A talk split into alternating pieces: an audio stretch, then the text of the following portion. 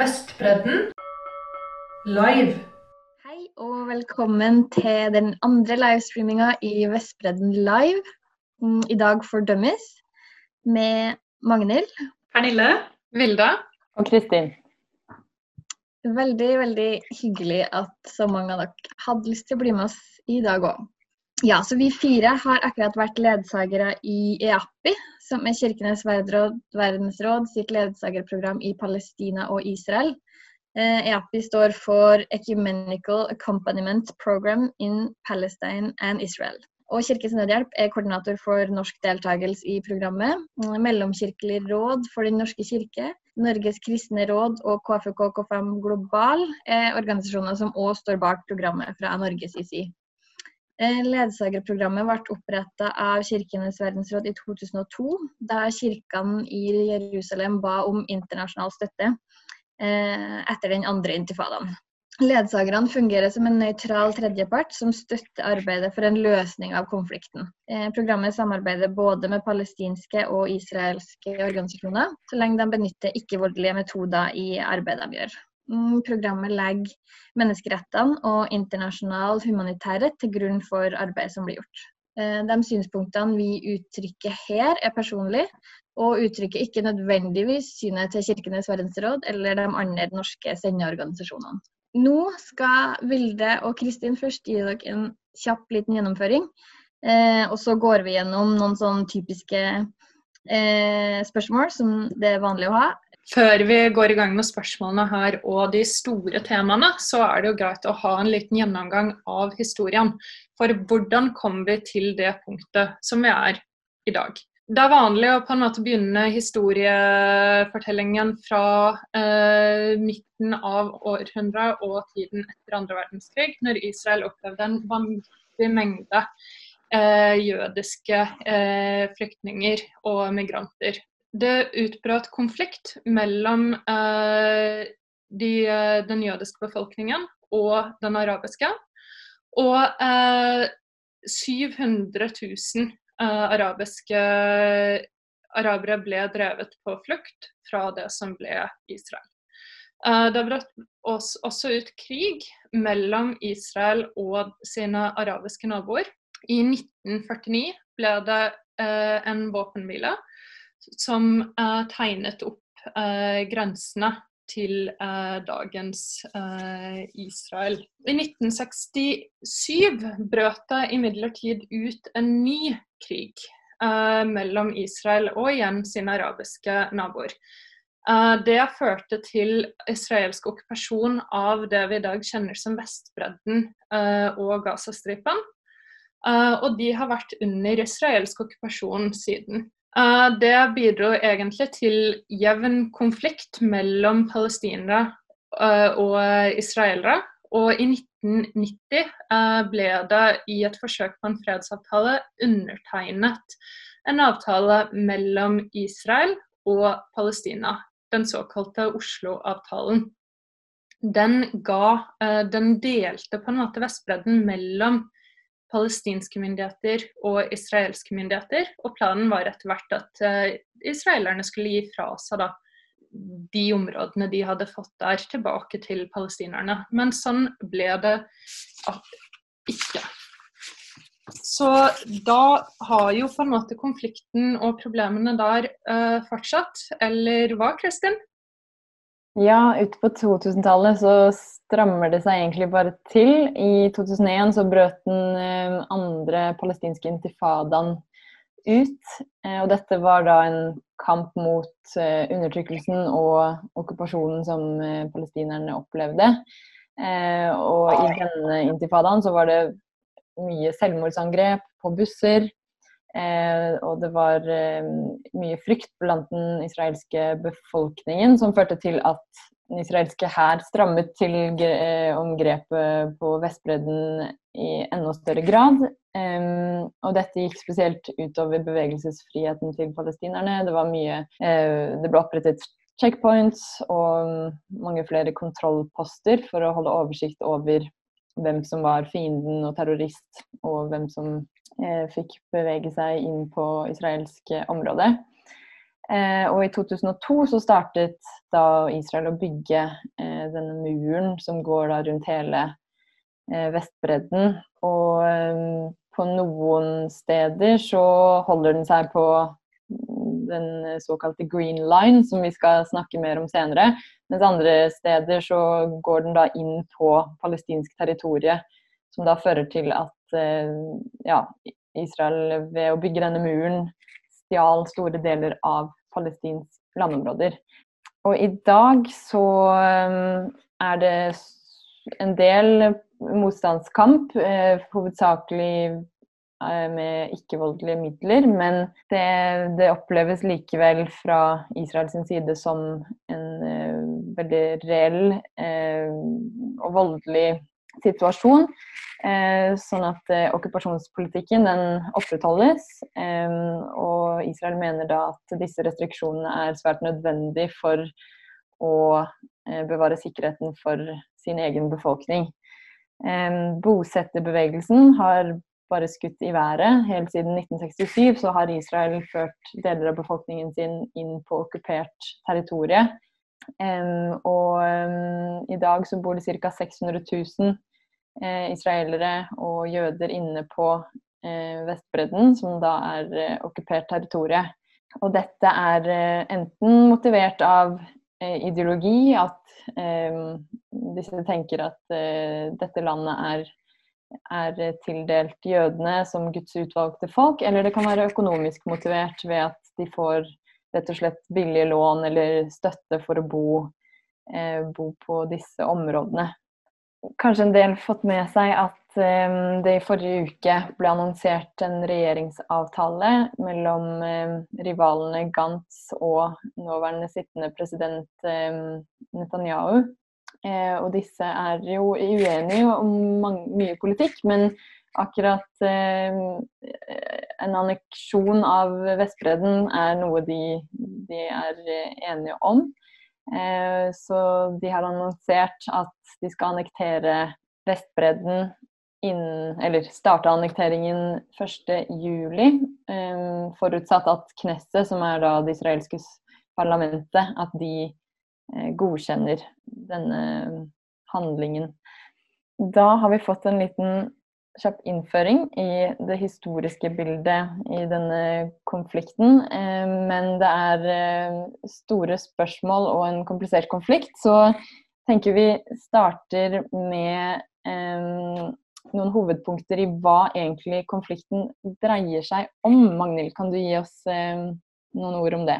Ehm, sånn helt kort, eh, som den historiske gjennomgangen viser, så er det jo eh, landet, det, det, området, det konkrete området, det er uenighet om. Det er en territoriell uenighet der to folkegrupper begge mener at de har krav på det området. Ja, Det at eh, begge gruppene òg har en sterk religiøs tilknytning til området er òg en av de tingene som gjør at det er så vanskelig å bestemme hvem det er som har Eller å finne en løsning på da, hvem det er som skal ha tilgang til de ulike delene av, eh, av territoriet.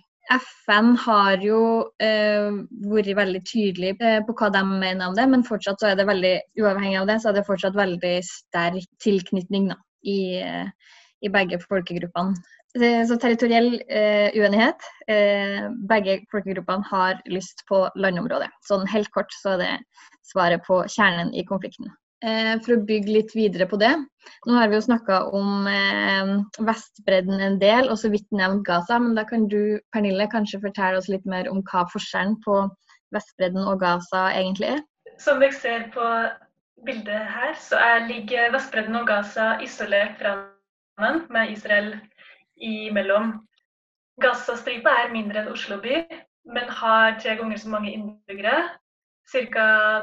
to millioner palestinere lever under blokade på Gaza.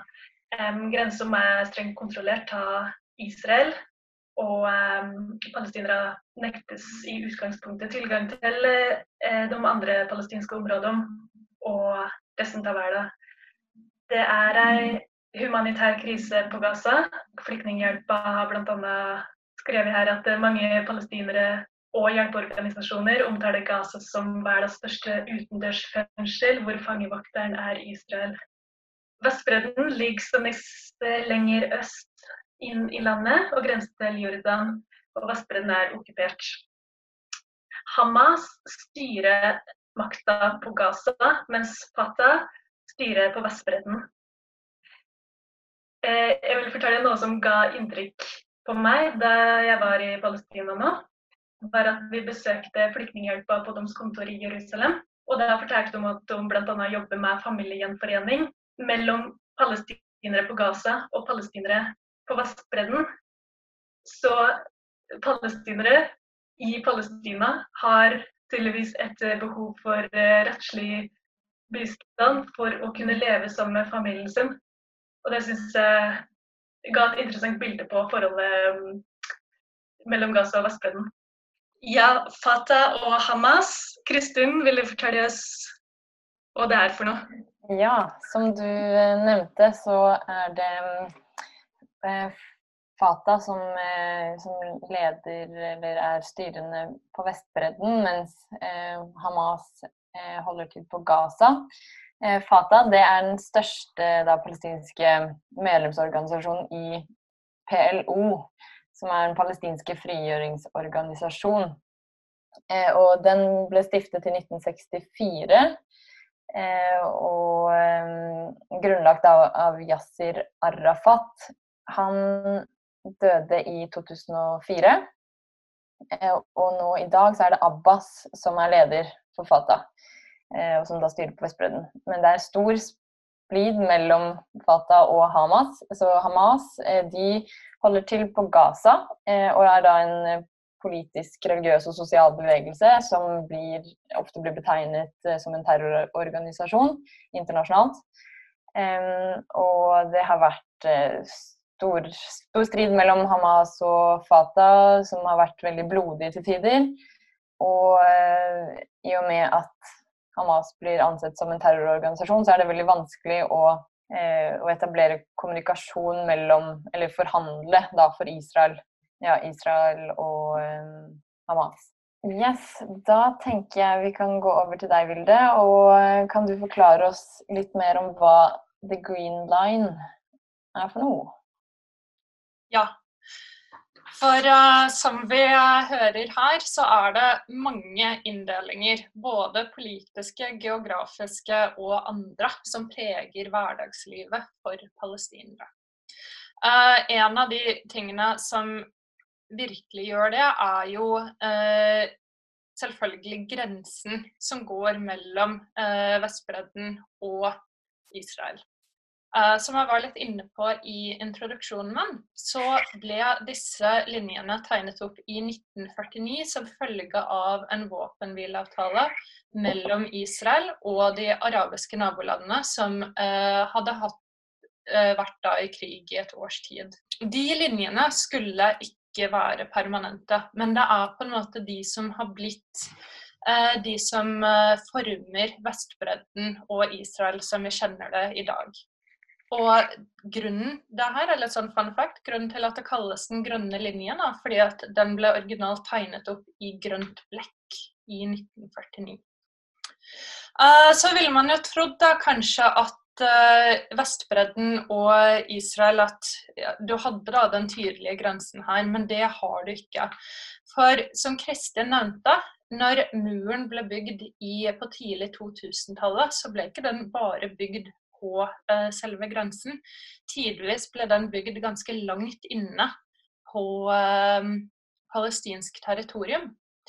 Uh, så det gjør det jo veldig krevende for de palestinerne som er fanget da, i de områdene som er mellom Israel og muren de har bygd. Så de bor på palestinsk territorium, men muren, og, som tidligvis er et gjerde, avskjærer det fra resten av det palestinske samfunnet. Og de områdene eh, stort, Ofte så er det mye, mye bosetninger der, som, eh, eh, men det er også palestinske landsbyer. Og de områdene kaller, kalles da seam zone, eller uh, sømsonen. Og det er på en måte en slags sånn søm som går, som forsvinner da mellom Israel og Palestina på denne grensen. Men for å gjøre det helt klart, så er det offisielt del av Palestina.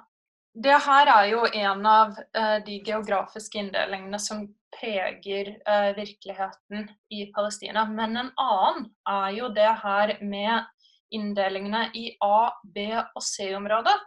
Og det uh, er jo noe som er veldig forvirrende. Kanskje du, Pernille, kan fortelle oss litt mer hva det egentlig er? Ja, det kan jeg. I Palestina, der sa til folk at jeg kommer fra Norge, så sa de ofte å, uff, Oslo-avtala, ja. Og trakk det fram som en negativ assosiasjon til eh, Norge og Oslo. For det som startet som en god idé for Yasir Arafat i 1993, gikk ikke etter planen. Oslo-avtala er ei avtale mellom Israel og Palestina. Eh, eller er faktisk to avtaler. Den ene er fra 1993, og den andre er fra 1995. Vi kan kalle Oslo 1 og Oslo 2. Yitzhak Rabin leda Israel på den tida. Og som Kristin sa i stad, så var Yasser Arafat leder for palestinske PLO. Og i stedet for å kreve at palestinere skulle få tilbake hele det gamle Palestina, og da i realiteten fjerne Israel, så gikk Arafat inn for en mindre palestinsk stat på Vestbredden og Gazastripa, Sion Sima Israel, en tostatsløsning. Og en ting jeg syns er morsomt med at jeg skal fortelle om Oslo-avtala, er at deler av forhandlinga til Oslo-avtala skjedde i Ringsaker kommune, kommunen min. Det var noen julidager i 1993 mens jeg lå på fødestua. Så ble det gjennomført topphemmelige forhandlinger mellom PLO og Israel på Grefsheim gard på Nes i Ringsaker. Men dessverre endte avtalen dårlig. Eh, Bl.a. fordi den ligna mer enn eh, på en timeplan og et utgangspunkt. Det var mye vage punkter. Og den ble laga på et skeivt maktforhold mellom Israel og Palestina. En jødisk ekstremist drepte rabbin. Og hans etterfølger, Netanyahu, har ikke vært like kompromissvillig. Og makt har aldri blitt overført til palestinere etter avtalen. Og så er det det her med A-, B- og C-områder. Inndelinga til Vestbredden eh, stammer fra Oslo 2-avtalen fra 1995. Eh, det gjelder bare Vestbredden uten Jerusalem. Palestinere og israelere var enige i avtalen i inndelinga, som var ment å sakte, men sikkert overføre makt fra det israelske militæret og den sivile administrasjonen til palestinske myndigheter. Men nå er det gått 15 år, og maktoverføringa har ikke skjedd. Så fortsatt kan vi dele Vestbredden inn i tre deler.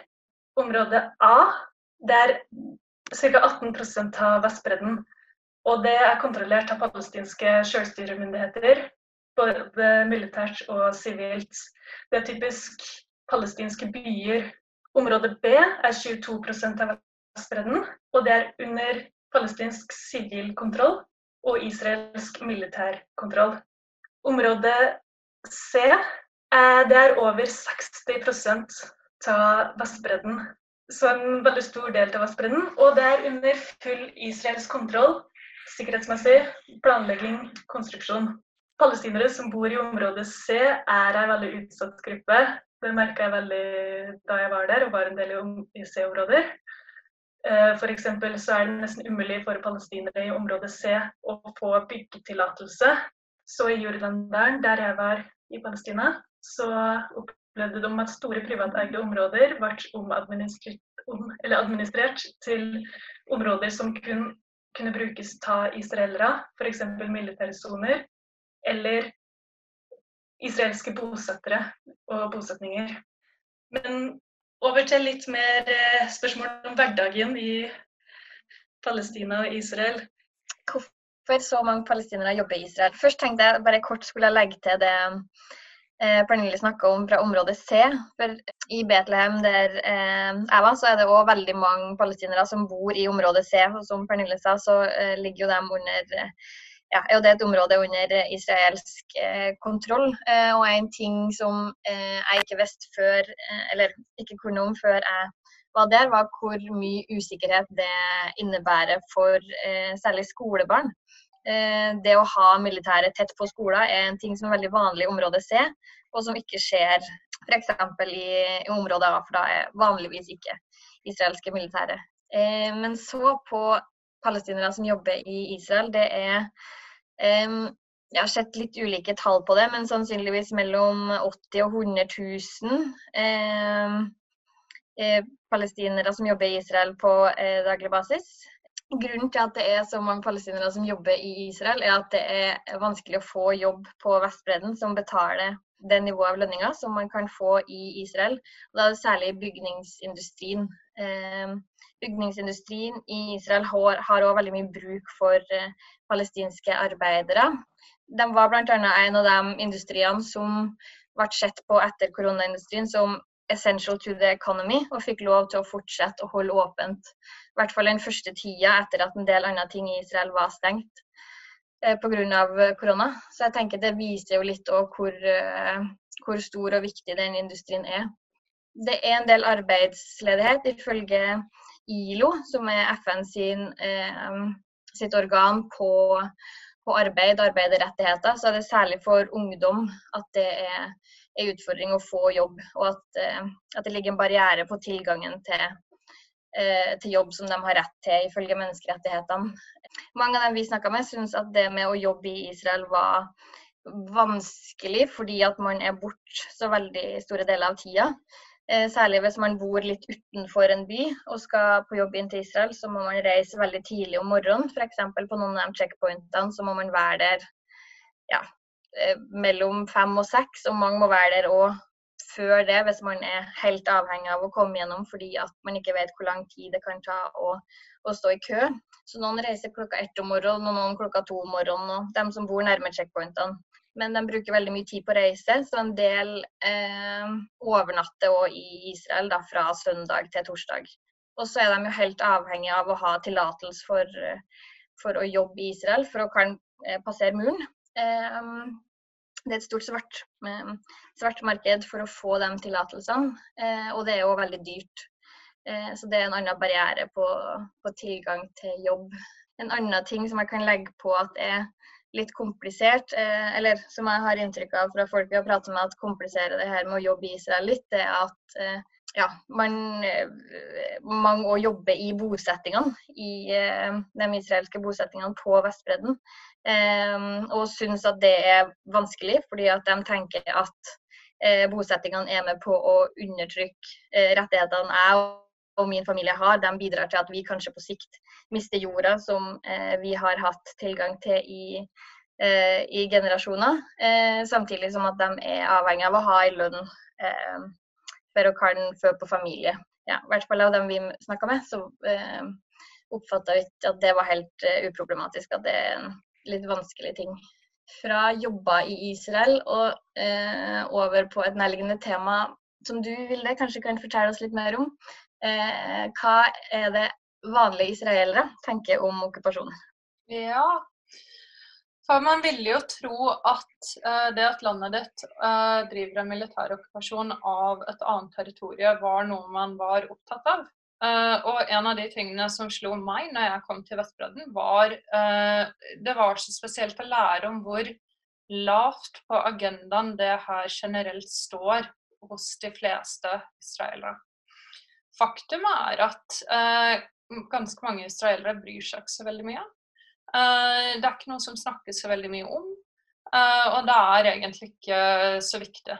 Eh, jeg leste en artikkel her fra 2016. Da ble det gjennomført en spørreundersøkelse som blant israelere på okkupasjonen.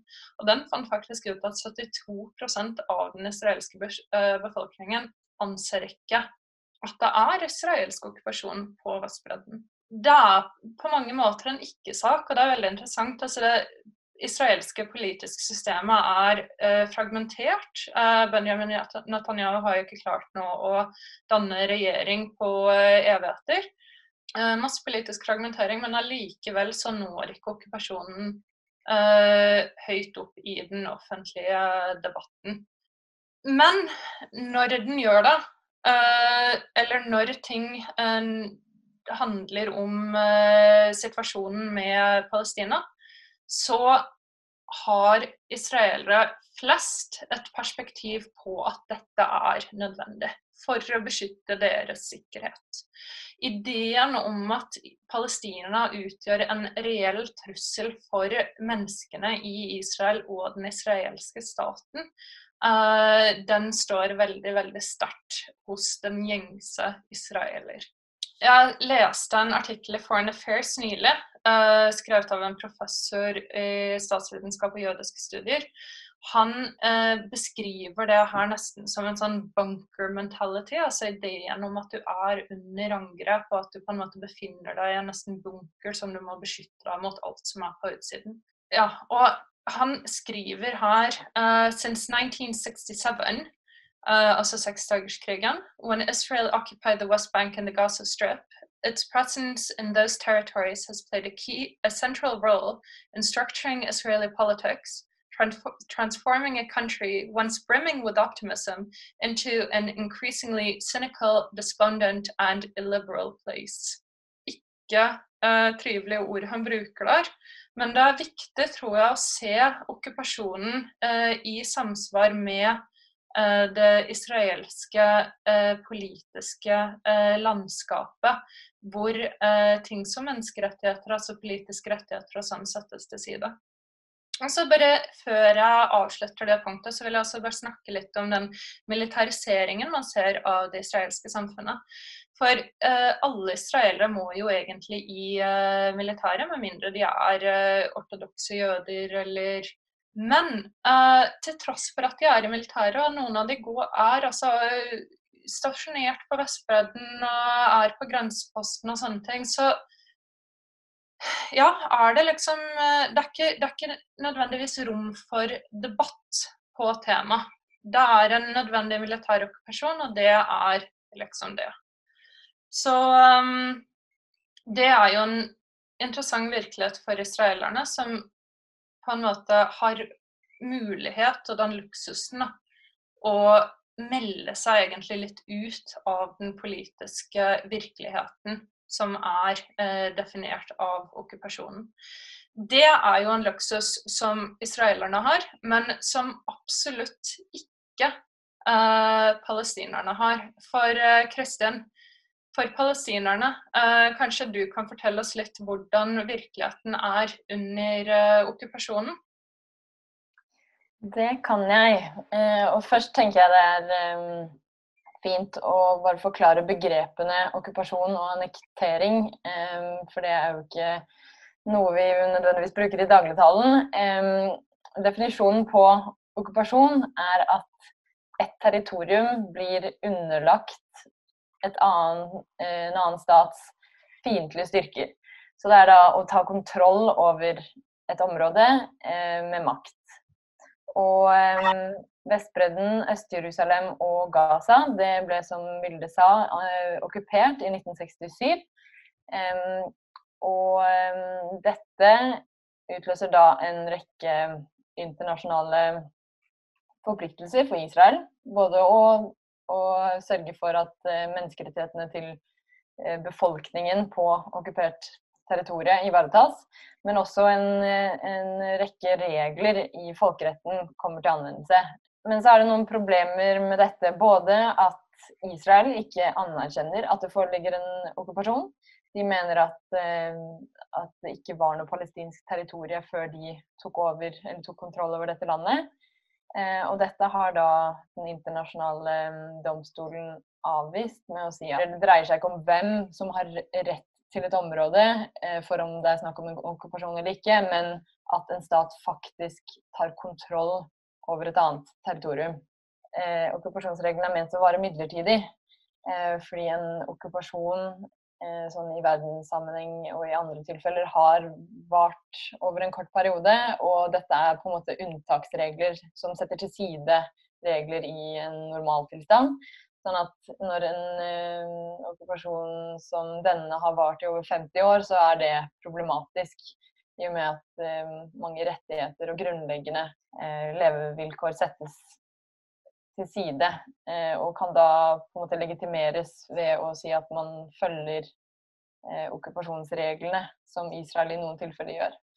Eh, og dette går da utover rettssikkerheten til palestinerne ved at det opprettes militærdomstoler som ikke har de samme kravene til bevis og definisjonen av hvem som er fienden eller terrorist og soldat, omfatter ofte sivile og barn. Sånn at det kommer også veldig an på hvem som tolker reglene. Ja, det er også mye kollektiv avstraffelse av familier og lokalsamfunn nettopp fordi man se på dette som en krigssituasjon, eh, som, ja, på tross av at den har vart såpass lenge. Eh, anneksjon eh, på sin side, det defineres som at en stat tilegner seg et annet landområde. Har også på en måte flyttet grensene og har suverenitet over dette landområdet på samme måte som den norske stat har suverenitet over, over eh, Norge ut til sine grenser. Så dette innebærer også at eh, det vil være israelske lover som gjelder, eh, og da kontroll fra både militær og politisk kontroll fra, fra den staten som annekterer. Og som jeg nevnte tidligere, så, har, eh, så er det nå planer om å annektere store deler av Vestbredden. Det er fremdeles ikke blitt et grønt lys fra Knesset, men um, det tyder på at det er denne deal of the century, Trump, Trump sin um, fredsplan, som kommer til å ligge til grunn for det som skal annekteres. Så Jordandalen, som utgjør 20% av Vestbredden, skal annekteres. Eh, I tillegg eh, til eh, ja, C-områdene, som vi så på dette kartet i stad, som utgjør store deler av av Vestbredden. Eh, og dette vil da iverksettes 1.7 juli i år. Så um, kan vi fortsette med deg, Pernille, om du uh, ønsker å fortelle oss litt mer om eh, hva som skal til for å sikre en mer fredelig fremtid, da, eller en fredelig løsning på denne konflikten? Ja, det er et godt spørsmål. Når jeg hører det spørsmålet, så tenker jeg på konseptet rettferdig fred. Og jeg tenker at en fred vil være varig hvis den er basert på rettferdighet. I Israel-Palestina så skjer det mange urettferdigheter og lovbrudd overfor palestinere. Så jeg har lyst til å ta opp fire ting som kan stå som hindre for fred. Og det er flyktninger, muren, vann og israelske bosetninger. Det ene er at flyktninger må få utøve sin rett til retur. Da Israel ble oppretta, så resulterte det i ca. 800 000 palestinske flyktninger. Flyktningstatusen går i arv, og i dag er det ca. 5 millioner palestinske flyktninger Eh, FNs resolusjon 194 bekrefter eh, palestinere sin rett til å vende tilbake til sine hjem Det andre er muren. Muren rundt Vestbredden, som ikke følger The Green Line. Eh, og fører med seg eh, tap av store landområder for palestinere. Den er dømt ulovlig til Den internasjonale domstolen i Haag. Bosettinger Ifølge den fjerde Genéve-konvensjonen så er det ikke lov til å flytte sin egen befolkning inn på okkupert område.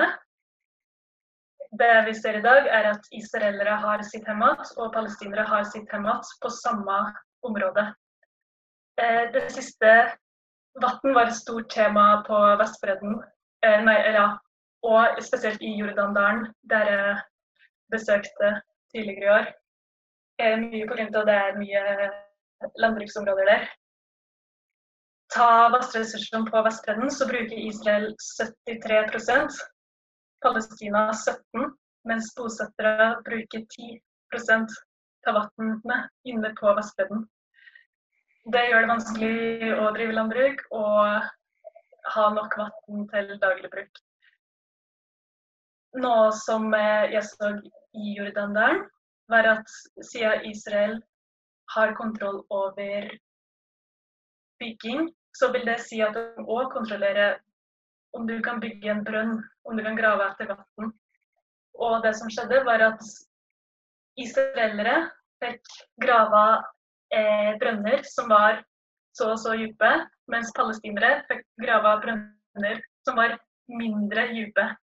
Og det gjør at eh, palestinere ikke når det vannet. Det er brudd på grunnleggende menneskerettigheter, retten til helse og retten til likhet.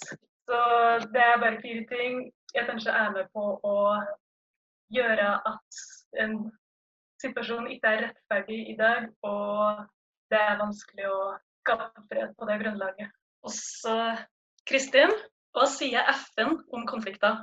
Du var jo inn, litt inne på hva det internasjonale samfunnet har uttalt om denne konflikten.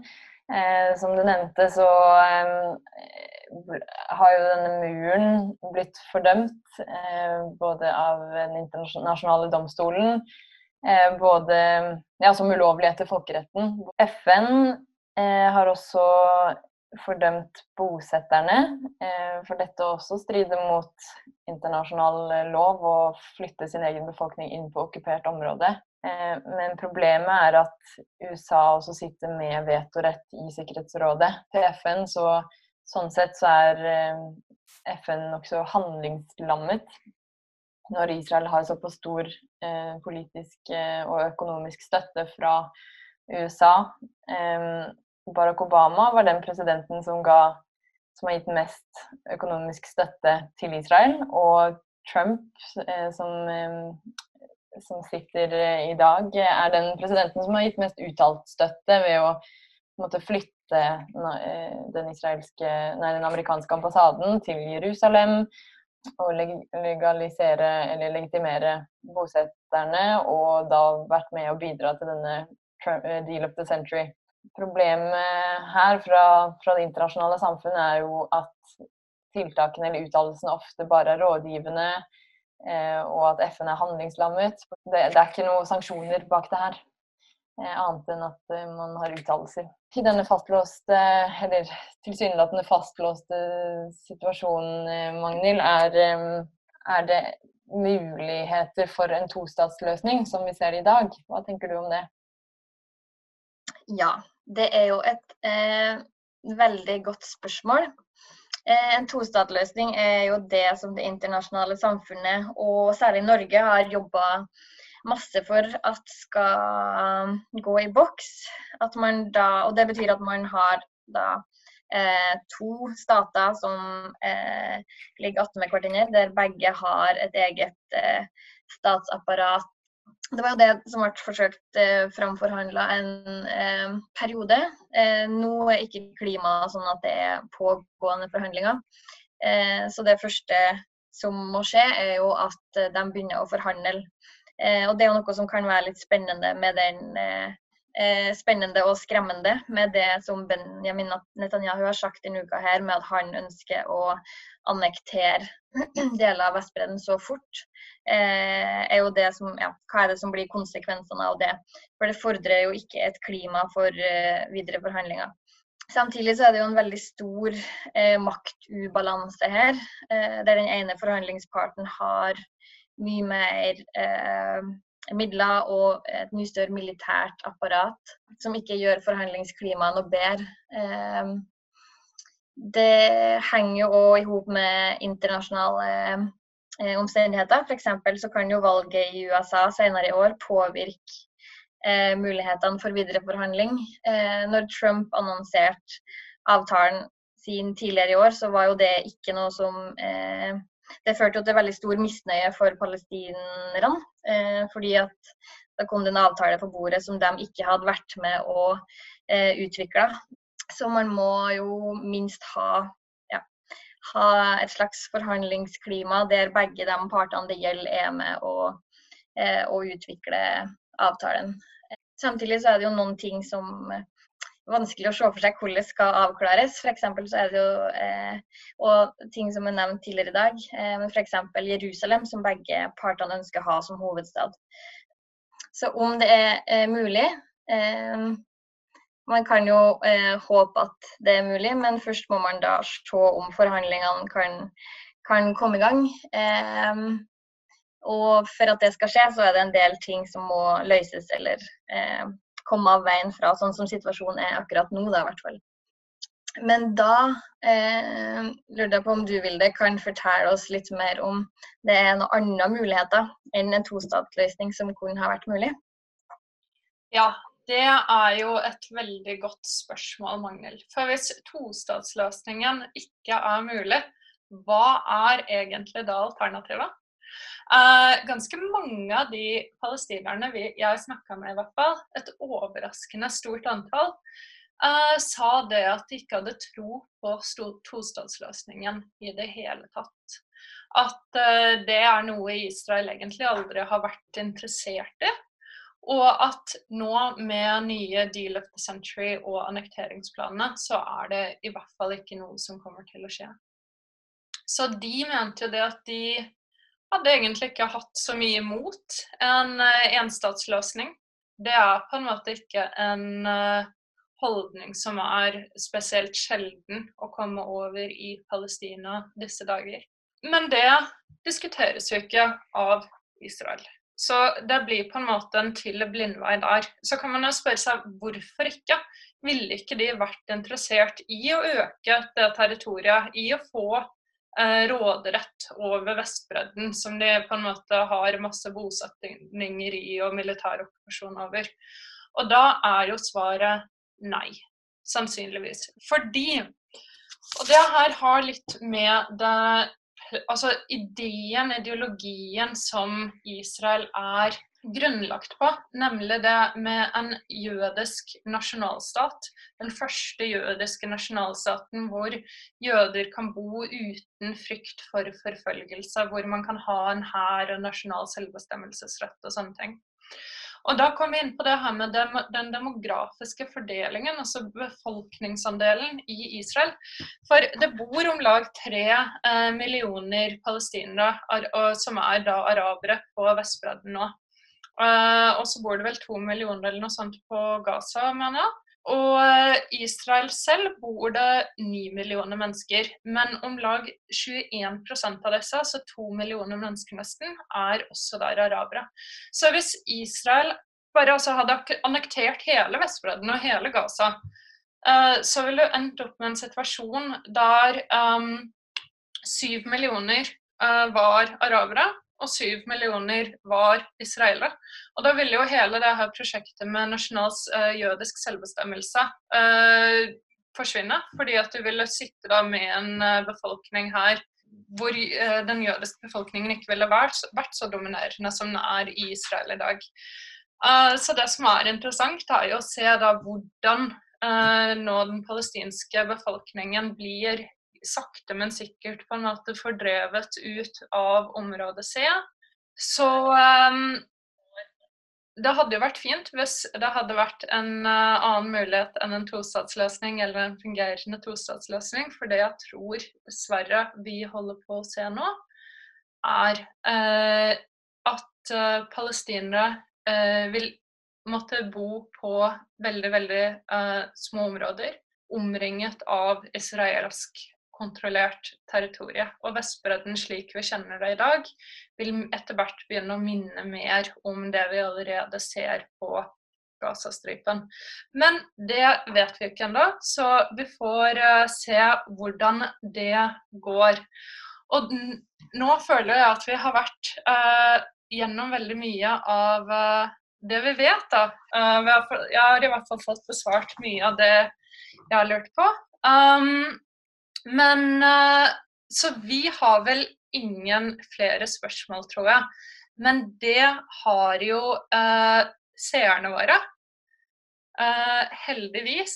Eh, og da har vi fått inn et veldig bra spørsmål ja, om hvilken rolle eh, spiller de arabiske nabo nabolandene Egypt og Jordan i forhold til eh, palestinerne?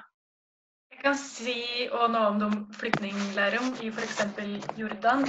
Så vil det være et argument at å holde flyktningleirer i den standarden de er. Flyktningleirer har jo vært siden opprettelsen av Israel, så det er 70 år gamle flyktningleirer. Og hvis de flyktningleirene forbedres veldig, så kan det være et argument som brukes mot eh, at palestinere skal returneres. Og så har situasjonen i Syria gjort det eh, selvsagt veldig vanskelig for palestinske flyktninger der. Mm. Jeg kan bare legge til sånn helt kort at det er jo en del eh, palestinere på Vestbredden som har eh, jordanske pass eh, fra, ja, fra, tidligere av. Eh, og for mange, eh, mange palestinere så er jo Jordan eneste, det eneste landet de kan reise til hvis de ikke har andre dokumenter. Jordan blir sett på som en god støttespiller i, i regionen. og ja, både sånn eh, politisk, men òg og praktisk med tanke på ja, familiebesøk og at man har eh, palestinske befolkninger på begge plassene som har mulighet til å møte og besøke hverandre. Ja, jeg har uh, noen ting jeg har lyst til å si om det spørsmålet, men det henger egentlig litt sammen med andre, et annet spørsmål her. Nemlig hva vi tror vil skje om uh, Israel går inn for å annektere Vestbredden. Uh, og hvorvidt annekteringsforslaget gjelder hele Vestbredden. Eh, da kan jeg bare si kort at Annekteringsforslaget gjelder ikke hele Vestbredden. Det gjelder om lag 60 av det, altså en tredjedel av territoriet, som akkurat nå er underlagt israelsk sivil og militær kontroll. Og så er det hva som vil skje hvis Israel går inn for å annektere uh, Vestbredden. Og hva det har med nabolandene å gjøre. Eh, vi vet jo ikke hva som vil eh, skje, om det vil, om det vil få noen eh, Altså en oppblomstring da, på en måte i motstandskamp eller noe sånt. Um, uh, men det vi ser nå, er jo at uh, Den arabiske liga i uh, morgen møtes for å diskutere hvordan de skal gå fram for å hindre annektering og for å på en måte samle seg i opposisjon til det vi nå ser Israel holder på med. Men det som er interessant nå, er jo hvis de på en måte forener seg da, mot, um, mot Israel. Og så har det jo blitt spekulert i om uh, dette vil skje ved støtte av uh, Russland. da. Så uh, står vi på en måte foran en situasjon der du kan se kanskje altså Vestbredden igjen bli en slags eh, scene for uh, store politiske maktkamper og sånne ting. Altså, det vet vi jo ikke ennå, men det er Altså, det hadde kanskje ikke vært overraskende hvis de gikk mer i den, i den retningen nå. Men det kommer jo veldig an på hva som skjer på møte i morgen. Men uh, hvordan det her vil uh, bli møtt i uh, Palestina og av palestinere selv, kanskje noen av dere andre har noen tanker om det, eller? Jeg kan reflektere litt rundt inntrykket jeg fikk i Jordandalen. For Netanyahu har planlagt å starte med annektering av Jordandalen allerede nå i sommer. Det noen av eh, da jeg møtte Jordandalen, sa, var at eh, de kan ikke se at det kommer til å bli så stor forskjell på annektering og sånn situasjonen er i dag i område C i Jordandalen. Fordi de blir allerede fordrevet fra områdene sine. De har, det er allerede Israel som har full kontroll på området og eh, tar alle avgjørelser i byggesaker og planlegging. Um, flere var kanskje litt motløse og usikre på hva de skulle ta for seg. Um, en ting som kan være ja, Jeg kan også si at fordriving av palestinere som allerede bor på det området som skal annekteres, det er jo veldig usikkert hvordan eh, og som blir situasjonen for dem, om de vil få israelsk statsborgerskap eller om de må flytte fra området. Eh, og mange i ser allerede en eh, fordriving. Noe som kan bli vanskelig, er å få Hvis folk blir boende i eh, annekterte områder, hvis palestinere blir boende der, så kan det bli vanskelig å eh, reise mellom annekterte, eventuelt Jordandalen, og resten av Vestbredden. Ja, jeg tror at det er litt eh, ja, litt av det som Pernille sier her med usikkerhet, er kanskje det jeg fikk mest inntrykk av eh, fra når folk snakka om denne annekteringa. For man vet ikke om eh, ja, dem som bor i området C fortsatt kan bo der, eller om det blir dem som ligger i områder der, eller eh, har hus i områder der det allerede er mye husrivninger f.eks. Eller ordre om husrivel, Kommer de husene da til å bli revet, eller kommer det til å gå i samme litt sånn trege gangen, med en hyppige perioder, som det det har gjort. Eh, hva skjer med skolene som ligger, uh, palestinske skoler som ligger i områder som blir annektert? at det generelt er mye usikkerhet. Da. Men jeg mistenker jo at det kanskje blir litt mer spenninger. Det var i hvert fall det vi så når den Trump-avtalen tidligere i år ble annonsert, var jo at det ble eh, oftere sammenstøt mellom soldater og eh, elever på skoler f.eks. Oftere eh, ja, mer demonstrasjoner med tåregass. Eh, og ja, økt eh, voldsnivå pga. de spenningene. Eh, og det kan man nok sannsynligvis se for seg av eh, ja, som følge av denne annekteringa, da vil jeg tro. Ja, vi har fått et spørsmål til fra publikum. Fra Adrian Idehen. Er Palestina juridisk sett en stat? Ja, jeg kan skyte inn uh, litt der. fordi etter folkeretten så er det noen krav for å på en måte bli anerkjent som en stat. Uh, disse følger av sedvanerett, så det er på en måte litt sånn Det er ikke klare regler, men du må i hvert fall ha en viss grad av indre kontroll og ytre kontroll. Uh, samtidig som at andre stater må kunne anerkjenne deg som en stat. At det må være liksom, en viss kontinuitet i det her og et, uh, over et folk og et geografisk område. Og det er jo svært ulikt, ulike forståelser av det i, i verden. men så vidt jeg husker, så har Palestina observatørstatus i FN nå. Slik at de har ja. fått muligheten til å ratifisere en del internasjonale konvensjoner ganske nylig så søkte de også om å få eh, denne statusen i den internasjonale straffedomstolen, slik at de også har muligheten til å stille Israel eh, eh, ja, ansvarlig for ulike brudd eh, på internasjonal rett. Eh, ja, det er vel eh, det jeg tenker. Så det er på en måte litt uklart om de juridisk sett er en stat. Eh, noen stater har valgt å, eh, å anerkjenne Palestina som en stat, eh, og andre ikke. Så det er jo et veldig politisk betent tema. Jeg syns det var ei en fin avslutning på livestreamen, egentlig. Ja.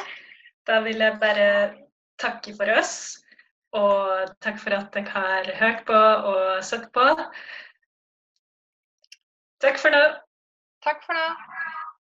Takk for nå. Ha det bra.